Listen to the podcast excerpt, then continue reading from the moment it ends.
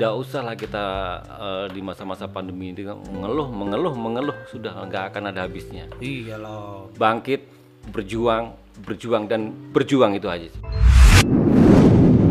Jangan malas untuk berkarya, terus dan terus berkarya. Itu aja sudah. Itu penjabarannya udah banyak dah. Iya kan? Bener karena Intinya jangan malas gitu aja intinya ya. jangan malas.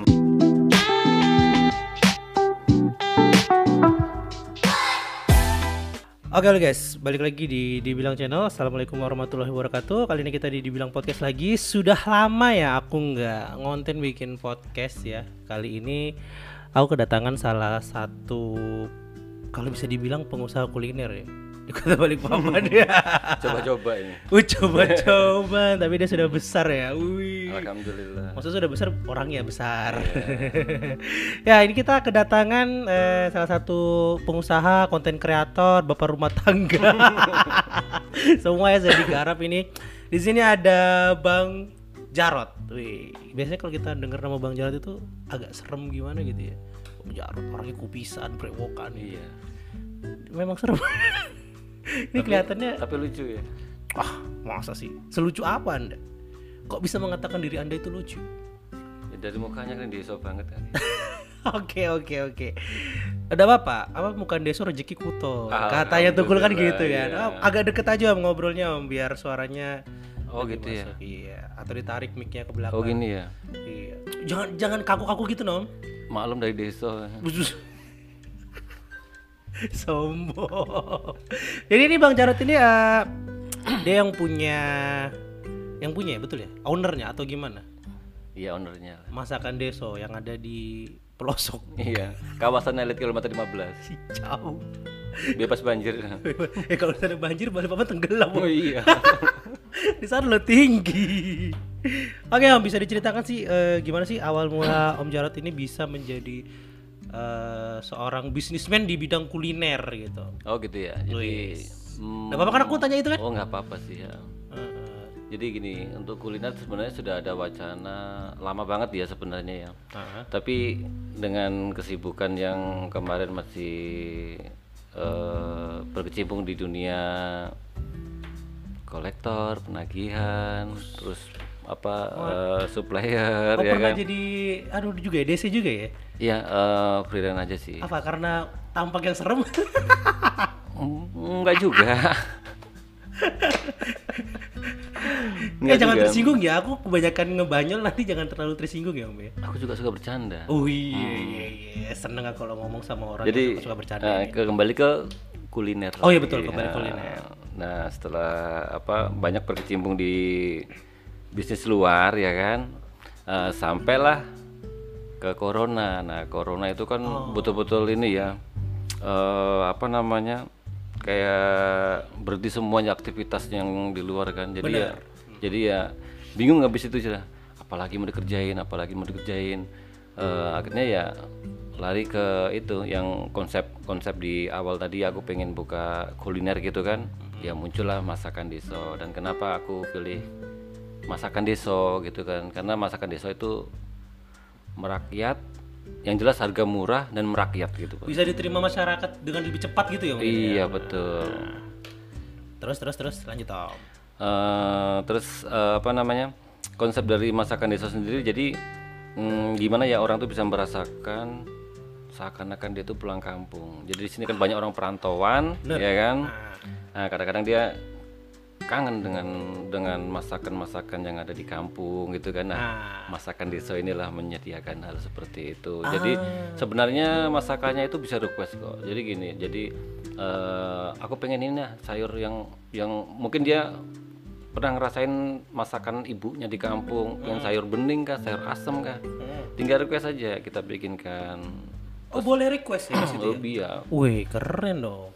Atau boleh masak sendiri orangnya di situ bisa kalau masak sendiri ya kan gitu ya. silakan aja gitu oh keren Terus untuk sayur-sayurannya sih untuk masakan desa ya sebagian nanam sendiri. Nah, kalau nanti eh, stoknya habis ya kita ngambil ke tetangga. Di kilometer 15 itu kan eh, mayoritasnya kan petani. oh benar Nah, jadi kita bisa ngambil berbagi rezeki lah sama tetangga seperti itu. Jadi kalau sayurannya eh, tetangga ada yang panen ya kita beli juga terus ada yang mentoknya yang panen kita beli juga bebeknya ayamnya terus untuk apa namanya hmm, burung puyuh kan seperti itu Berarti lebih murah dong jatuhnya kalau begitu. Iya terjun bebas kalau harga di masakan desa. Makanya pernah dibilang sama siapa ya? Em, balik papan kreatif. Nah waktu itu kan kita lagi apa ya? Eh, dia lagi live. Aku udah masuk ini wah. Masakan desa ini ini ya menunya porsinya barbar gitu loh. Porsinya barbar, luar Ya karena karena di masakan desa juga kayak minuman itu nggak di nggak kita hitung. Oh gitu. Es teh itu nggak kita hitung. Jadi yang dihitung Free. makannya doang. Lauknya aja. Jadi lauk Lauknya iya, jadi lauknya apa, terus sayurnya apa, gitu aja kita hitung. Ah. Seperti itu. Kalau kalau untuk range harga nih Om, kalau boleh tahu di masakan desa sendiri itu dari harga berapa sampai harga berapa sih? Harga termurah itu kalau untuk lauk 25.000 ya. 25.000 itu eh, burung puyuh sama ayam kota. Oh. Gitu itu. Ayam kampus ada berapa? Jangan lah, ntar dimarahin sama bapaknya. oh iya iya iya iya. iya. Jadi itu paling murah. Itu harga 25 itu sudah sama nasi, sama es tehnya gitu loh. Terus suasana juga enak kali di sini ya. Suasananya betul-betul nuansa pedesaan. Luar biasa. Tapi eh sebelumnya ya kan sebelum bisnis kuliner ini, emang ada basic sebagai kulineris apa bahasanya? Sebagai chef kah, sebagai koki atau gimana? Oh gitu. Kalau untuk masak sendiri sih otodidak ya. Jadi kita ngelihat orang masak seperti ini dan dan kebetulan eh, saya sama istri tuh suka ini ya, suka apa? Eh, injep-injep lah. Jadi Ah. ada sesuatu yang baru kita incipin, ada sesuatu yang baru kita incipin, ada sesuatu yang baru kita incipin. Suka Jadi wisata kuliner iya, juga ya? gitu loh. Jadi tahu rasa di sini di sini di sini tahu. Nah, dari situlah kita kita apa namanya eh, pada dasarnya juga kita suka masak gitu loh. Hmm. Nah, kita suka masak. Oh, paling kalau bumbu eh, kalau rasanya seperti ini bumbunya pakai ini, pakai ini. Udah gitu aja otodidak aja gitu loh. Oh, keren keren keren. Ya biasanya sih yang- yang otodidak itu lebih kena ya rasanya karena perasaannya itu lebih Iya, lebih tajam gitu. Memasak itu sama dengan ini ya. Sama dengan apa ya? Orang main musik ya. Kalau main musik tuh mungkin kalau kalau pikirannya lagi kacau mungkin ada juga ya. Iya, Musiknya juga, Musiknya berantakan enak ya. gitu betul. Sama dengan masakan itu. Ah, Orang memasak itu kalau pikirannya lagi kacau rasanya juga tambur. Oke, bener-bener. Hmm, Pantes aku kalau masak nggak pernah enak gitu. ya. Karena emang dasarnya nggak bisa masak gitu. Eh, tapi kalau ngomong-ngomong, Om, di rumah yang yang jago yang lebih jago masak, Om atau istri? Kalau soal masakan itu ada beberapa masakan yang aku pegang. Jadi ada beberapa masakan yang istri pegang gitu. Jadi Oh. semuanya pegang kuncinya masing-masing gitu loh. Jadi saling melengkapin gitu loh. Contoh sambal. Sambal itu memang sudah lah pokoknya kalau sambal istriku yang yang ini yang jago gitu loh. Aku sih bisa, cuma rasanya pasti nggak sama. Makanya 10 orang bikin sambal walaupun bumbunya sama, itu pasti berbeda-beda. Iya bener-bener. Gitu. Biasanya kalau kalau cewek itu kalau buat sambel lebih mantep om karena perasaannya lebih dimainkan di situ. Terkadang tumpah ruah perasaannya di situ semua kalau bikin sambel. Ulekan dia tuh om yang bikin. Jangan jangan dibikin emosi. Itulah Tambah tambah, pedas pedes nanti. Lombok satu aja bisa pedes itu karena sambelnya disumpahin sama dia. Iya. Aduh. Aduh, keren keren. Berarti kalau Hmm. di masakan desa sendiri, kalau untuk yang menunya om sendiri atau ada karyawan yang ngebuat ininya, yang ngebuat Iya. makanannya? Kita nggak punya karyawan, jadi kita sendiri yang masak. Kita, Ah, langsung kayak dari tangan pertama jadinya langsung ya? dari tangan pertama gitu. Wah, luar biasa. Dan diwajibkan sebenarnya di masakan desa itu untuk reservasi karena semua masakannya tuh dimasak dadakan semuanya, Oh, gitu loh. Makanya kita nggak nggak memasak, nggak masak kalau nggak ada yang reservasi, gitu loh. Hmm. Kita ada reservasi baru kita masak. Makanya dianjurkan kalau ke masakan desa itu harus reservasi. Biar apa sih? Biar ya kita bisa nyiapin bahannya. Jadi masakan itu dimasak dadakan semua, jadi fresh. tapi ada yang misalnya orang pengen datang aja nih di sana langsung ada menunya gitu ada nggak? Eh ada. Jadi ya kalau mereka mau menunggu, sabar menunggu ya kita buatkan. Oh, Kadang-kadang juga pas lagi full nih, eh, lagi full di warung itu banyak orang rombongan datang. Kalau mau saya pindah jamnya, sila eh, apa? Saya, saya kalau mau saya pindah jamnya ya silakan. Kalau nggak mau ya saya minta maaf. Gitu aja. Jadi itu hari pas rame-ramenya ada reservasi dari ini nih dari Bubuan Kampung Baru. Nah setelah itu ada sekitar 40 orang itu udah masuk semua. Nah, kami enggak enggak terima lagi gitu loh. Hmm. karena sudah ya, kami masakan orang segitu banyaknya dengan waktu yang yang Sesingkat-singkatnya. singkatnya ya kan? Ya kami tolak gitu loh. Itu ada lima keluarga. Kalau di total itu ada 22 orang. Oh ya, tapi dia nggak mau dipindah ke jam jamnya yang berikutnya ada yang nggak mau dipindah ada yang mau ya gitu aja Tapi kalau untuk kapasitas sendiri di kedai sana itu berapa bisa mampunya? 70 kemarin waktu 70 ya? bukber itu bisa mampu 70 Wah, luar biasa. Eh tapi dengar-dengar dulu Om juga sebelum punya kedai sendiri pernah sempat jual rombongan ya? Eh itu di 2006 2006. 2006 ya 2006 tuh saya sempat sempat jualan bakso keliling ya Heeh.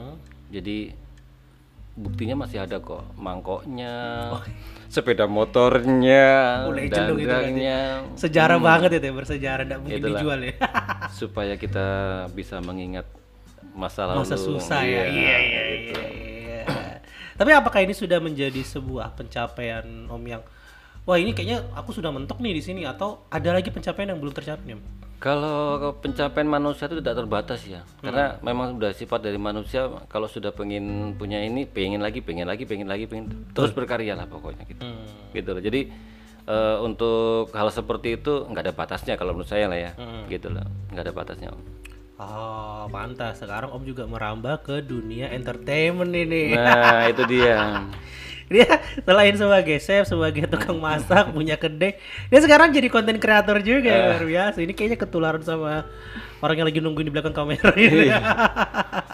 Bubuannya Bang Rafa ini ya itu gitu. sudah ini pengaruhnya Bang Rafa ini di konten kreator Balikpapan ini cukup berat ya, Me. Itu gimana ceritanya bisa ketemu dia terus akhirnya konten juga itu? Ya karena sejalan aja sama beliau ini sejalan kita kita apa eh, berjuang sama-sama kita nanti besar sama-sama jangan saling menjatuhkan gitu loh bro. Tapi memang memang ada niatan untuk ke arah sana atau ada. Ah iseng aja nih ikut ah enak kali ya. enggak itu kalau sudah saya udah udah berkecimpung di situ ya udah pasti saya dalamin gitu loh. Nantinya juga eh, Rafa Channel ini sebagai apa ya? Ya pokoknya kita punya manajemen lah nantinya. Mah. punya manajemen, punya apa namanya eh, kantoran sendiri. Mudah-mudahan Amin, amin. amin, amin, amin, amin. Bisa gabung kita nanti di sana, guys. Eh, Tapi kalau untuk kontennya Om Jarot sendiri ini bia- biasanya ke arah mana? Ada nggak konsep konsep sakleknya atau bebas nih kontennya? Kalau untuk aku pribadi sih bebas, mau dipakai konten yang lucu-lucuan oke, mau dipakai konten yang eh, sulap juga oke. Oh, Untuk bisa yang sulap. dikit-dikit sih bang, sulap Terus untuk kuliner juga oke, gitu. bebas saja kalau aku gitu. Bisa mengikuti semuanya lah. Oh, Insya berarti Allah aku bisa ya, gitu lah. luas Iya. bidangnya ya. Wah. Sudah berapa lama kalau untuk berkecimpung di dunia konten kreator? Kalau konten kreator ini masih dua bulanan ini. Oh, baru dua bulan. Hmm, dua bulanan ini. Itu pakai akun pribadi atau? Awalnya saya nggak punya IG malahan. Oh gitu. Iya. Oh, Awalnya nggak punya IG. eh, eh, kita terjun ke kuliner, ke masakan desa ini mau nggak mau dong kita harus pakai IG. nah, habis itu eh, diajak gabung sama teman-teman konten kreator yang eh, bubunya Bang Rafa ini ya, aku bikin IG lagi akhirnya bikin IG pribadi Chef Jarot tadi itu. Wah, luar biasa. Tapi ini ngomongin soal kerjaan ya, konten kreator, terus punya kedai, banyak orderan. Bagi waktu dengan keluarga bagaimana ini, Wis? Oh gitu.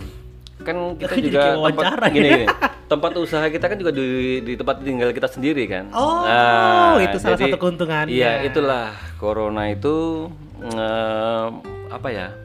Jadi bisa apa ya yang tadinya jarang ketemu sama anak dan istri begitu corona jadi ketemu semua Ah. Iya, akhirnya iya. kan Berarti ada jarang hikmahnya juga ada ya, Pak? hikmahnya sebenarnya ada hikmahnya jadi tidak usah lah kita eh, di masa-masa pandemi ini mengeluh mengeluh mengeluh sudah nggak akan ada habisnya Iya loh. bangkit berjuang berjuang dan berjuang itu aja sih.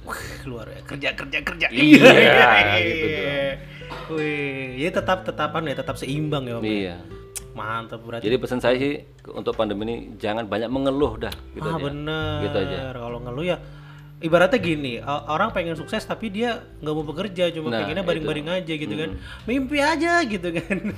kan mimpi itu diawali dengan tidur ya. Iya. Tidur bermimpi bangun lakukan. Lakukan. Ketika tidur Iya. mimpi terus nggak Iya. bangun-bangun gitu. Terlalu miring tidurnya itu. Lalu miring tidurnya benar, benar, benar. Waduh.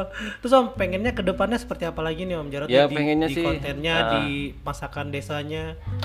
Ya semuanya berjalan sih. Jadi Hmm. eh, untuk kontennya tetap berjalan, Hmm. terus untuk kuliner tetap berjalan. Kalau bisa nanti buka cabang di lain. Itu harapanku seperti Amin. itu. Nah, eh, salah satu cabang yang eh, para kuliner Balikpapan ini senang itu daerah MT Haryono ya. Di MT Haryono Iya, ya? pengen nggak buka cabang di situ juga? Enggak. Kenapa Om? Saya Ba- lebih banyak orang yang pengen buka di MT Haryono karena Enggak. memang di situ daerah kuliner semua. Enggak gini, kalau saya pribadi sih begini. Kita ini sudah hidup di kota yang hidup pi- pikuk seperti itu, Ah. penatnya seperti itu, kita malah menyingkir aja lah ke pedesaan. Ah. Di situ tempatnya tenang, bisa lihat eh, alam pedesaan, bisa lihat eh, petani-petani bercocok tanam, panen, nah, masakan desa di situ ada semua. Oh, berarti tetap kembali kepada konsep Iya. awal ya. Kita nggak akan berubah konsep awal, tetap kita di desa. Di Tapi desa. ada nggak sih eh, tantangannya ketika buka usaha di tempat yang agak jauh dari keramaian seperti itu? Tantangannya mm, ya ini ya karena tempat jaraknya jauh ya. Kadang-kadang juga ada customer mas jauhnya mas, lah kalau dekat ya dimasakan kota dong gitu loh ya kan. Iya, iya, iya, ini kan di nuansanya pegunungan, nuansanya desa ya di desa di pelosok seperti itu dan dan juga masakan desa ini sem- tempatnya tersembunyi. Oh gitu. Iya di belakang rumah. Biasanya kalau warung kan di depan rumah kan. Iya benar. Ini di belakang rumah. Nah itu juga ada maksudnya. Ah nanti kapan-kapan kita ke sana guys. Kita bakal review eh, kedai masakan desa di di mana Om? Di Kalimantan 15 Jalan Giri Rejo. Sumpah jauh. Nah inilah, ini ini ini yang yang yang harus Gimana, harus gimana? dibiasakan, Ah, gitu loh. Jadi kilo itu juga juga masih kawasan Balikpapan loh gitu loh. Iya Jadi sih, sampai kilo 24 iya, juga kalau Balikpapan. Iya masih Balikpapan. Jadi jangan di situ terus aja lah.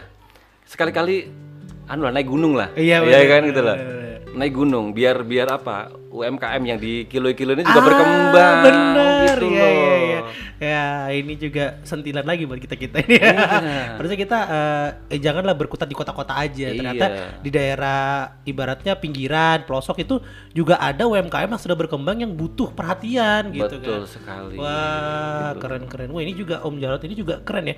Dia sudah tahu tempatnya di pelosok, akhirnya dia masuk ke dunia entertain dan dia bisa memperkenalkan eh, kedainya via online seperti Iya. itu. Karena marketing paling murah ya lewat online ini, Om ya. Betul betul. Terus dari mulut ke mulut dengan pengalaman orang-orang yang datang ke sana punya pengalaman yang menakjubkan dan akhirnya ya orang mau balik lagi ke situ gitu. Tapi balik, pandemi ini balik, gimana? balik, bentar, balik yang Gimana? yang yang apa eh, tadi saya bilang kenapa warungnya di belakang rumah, nggak di depan rumah. Hmm. Kenapa warungnya tersembunyi? Hmm. Kan seperti itu ya kan. Itu itu saya ngetes aja, ngetes didatengin enggak sama sama apa namanya eh, pengunjung, didatengin nggak sama sama pembeli kan seperti itu. Kalau didatengin ya saya alhamdulillah. Nah, habis didatengin balik lagi enggak orang ini. Kan seperti itu kan? Iya, iya, Iya benar, kan? benar, benar, nah, kalau balik lagi berarti masakan desa diterima sama masyarakat. Seperti itu. Jadi Nah, keren. eh, rasanya diterima masyarakat seperti itu bang Berarti kalau mau datang ke sana harus reservasi. reservasi Reservasi Nah, terus lebih pes- bagus m- makanannya boleh pesan. Sem- ba- ah, Iya. Maksudnya eh, kita punya request sendiri nih. Pas reservasi itu ngomong pengennya dibuatkan ini ini gitu bisa. bisa asal hamin satu Oh, hamin satu iya ya. dan di masakan desa sebenarnya sudah ada sudah ada menunya sendiri sih gitu Ah. tapi kalau kalau pengunjung minta dimasakan yang ini ya kita harus bisa Ah. gitu loh Wih.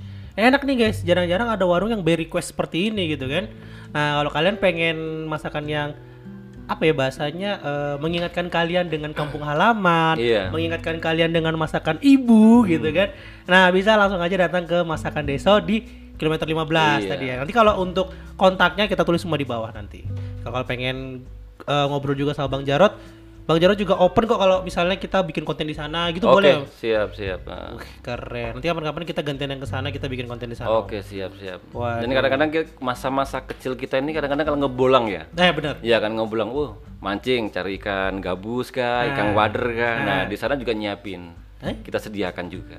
pemancingan atau Bukan. ikannya langsung? Ikannya Wah. gitu loh menunya. Maksudnya Oh, iya, iya, iya. kita kan meng- mengingat eh, masa-masa lalu kita kan. Jadi Hmm. Seperti apa sih apa eh, aku aku kangen nih sama eh, masa kecilku dulu. Pernah makan ikan wader, ikan gabus atau bahkan makan burung punai gitu kan. Kita berburu ke apa pakai ketapel ke apa Iya, iya, gitu benar, kan. benar, benar, benar. namanya dulu dulu masa-masa kecil pasti ada lah ngebolang kita apa ketapelin burung ke apa kan ya kan. Nah, di masakan desa ada. Itu menu-menu seperti itu. Tupai pun juga ada. Tupai? tupai ada. Serius? iya. Itu dapetnya di mana om? Nah tupai itu dari teman-teman komunitas pemburu ya Ah. jadi kita datangkan dari seberang dari eh, penajem sama waru Oh. dan kebetulan di sana itu kan banyak eh, perkebunan kelapa sawit dan tupai itu sebagai hama Oh iya benar. Ya, tupai itu sebagai hama di sana. Nah, teman-teman pemburu ini masuk ke sana lah eh, di perkebunan kelapa sawit.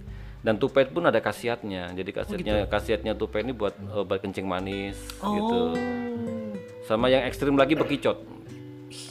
Itu ekstrim lagi bekicot. Ah. Bekicot itu itu itu juga khasiatnya juga untuk obat ambeien, gatal-gatal sama eh, asma. Oh iya benar-benar aku pernah dengar kalau yang tentang begitu Iya. obat asma. Oh ada kayak gitu om ya. Bekicot Tapi harus tetap reservasi katanya Iya, gitu kan. bekicot sih eh, ready terus ya tiap hari ya. Oh, Karena gitu? kita datangkan dari dari kediri dari peternak langsung kalau bekicot. Gitu. Oh ada peternak. iya, ada peternaknya. Bisa kok bisa browsing tuh peternak bekicot pasti di kediri. Iya iya iya. Wah mantap mantap. Bentar coba cek dulu kameranya masih nyala nggak ini? Oh masih masih masih masih. Di situ masih juga. Aman aman. Wah ternyata betul-betul masakan mengingatkan masa lalu, mengingatkan tentang pedesaan Iya. gitu kan. Dan tempatnya juga katanya tadi di pedesaan. Aku juga jadi penasaran pengen ke sana gitu kan. Gaskan, gaskan ke sana. Wih, gaskan dia, kata Rizky Pancur. Aduh, mantap. Oke, Om. Eh, mungkin untuk penutup ini Om ya. Iya, siap. Sudah sekitar hampir setengah jam ternyata kita ngobrol terasa ya. aja udah terasa. Udah terasa ya. Memang kita apa kita ini punya hubungan emosional ya. Iya kan? Ah, udah udah udah terasa. Begitu masuk langsung Bang Iksan emosi tadi. Pengen ngantem kan? Tidak. Jadi emang kalau orang sudah suka ngobrol gitu ya, dipancing sedikit aja ya ngobrol terus gitu ya. Mau ngobrolin apa aja terserah bebas karena nyambung-nyambung aja gitu. Oke bang, mungkin yang terakhir untuk penutupnya biasanya kalau di, dibilang podcast ini ya, selalu ada cerita untuk dibilang ini eh, narasumbernya harus memberikan motivasi kepada teman-teman yang mendengar agar hidupnya itu eh, lebih bermakna, lebih baik lagi dan tetap semangat menjalani hidup. Ayo, boleh pesan-pesannya kepada para pendengar kita. Oh gitu. Iya. Jadi pesan-pesannya Bang Jarot buat kalian semua jangan malas untuk berkarya, terus dan terus berkarya. Itu aja sudah. Itu penjabarannya udah banyak dah itu. Iya kan? Bener karena Intinya jangan malas gitu aja intinya ya. jangan malas karena karya itu bisa dari mana aja itu inspirasinya. Apalagi iya, ketika betul. pagi pergi kamar mandi nongkrong dapat Iya. inspirasi. Sambil ngerokok gitu. Iya.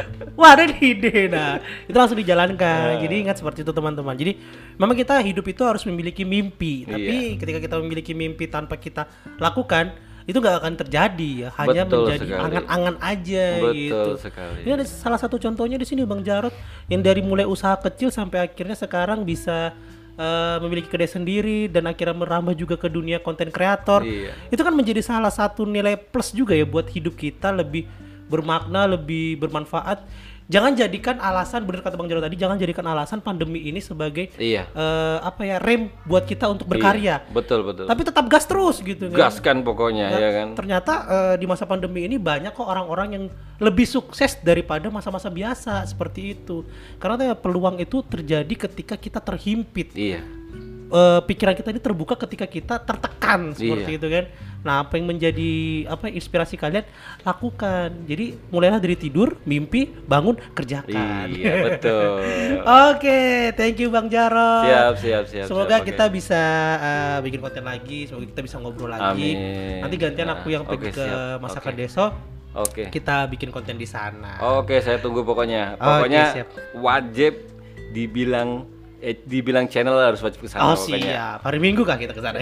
Oke, siap. Mumpung Gaskan masih anu kan masih dalam masa transisi ini aku bisa ke sana lah Iya, ya. siap, siap, siap. Oke, nanti Sherlock aja lah ya. Oke, siap, siap. Hmm. Oke, teman-teman, mungkin itu perjumpaan kita dengan Jarot. Nanti kita lanjut lagi di masakan desa kita juga buat konten di sana. Nanti kita ngobrol-ngobrol lagi lah di sana dengan Bang Jarot. Terima kasih Bang Jarot. Oke. Terima kasih teman-teman yang sudah ngikutin sampai sekarang. Ambil hikmahnya ya, apa yang kita obrolin pasti selalu ada eh, hikmah di balik musibah lah intinya seperti Betul, itu. betul. Kalau kalian nonton kita dari awal, dengar kita dari awal, pasti kalian mendapatkan hikmah-hikmah yang eh, bisa membangun kalian untuk hidup lebih baik lagi. Oke, terima kasih semuanya. Akhir kalam, assalamualaikum warahmatullahi wabarakatuh dan bye bye. Selalu ada cerita untuk dibilang. thank you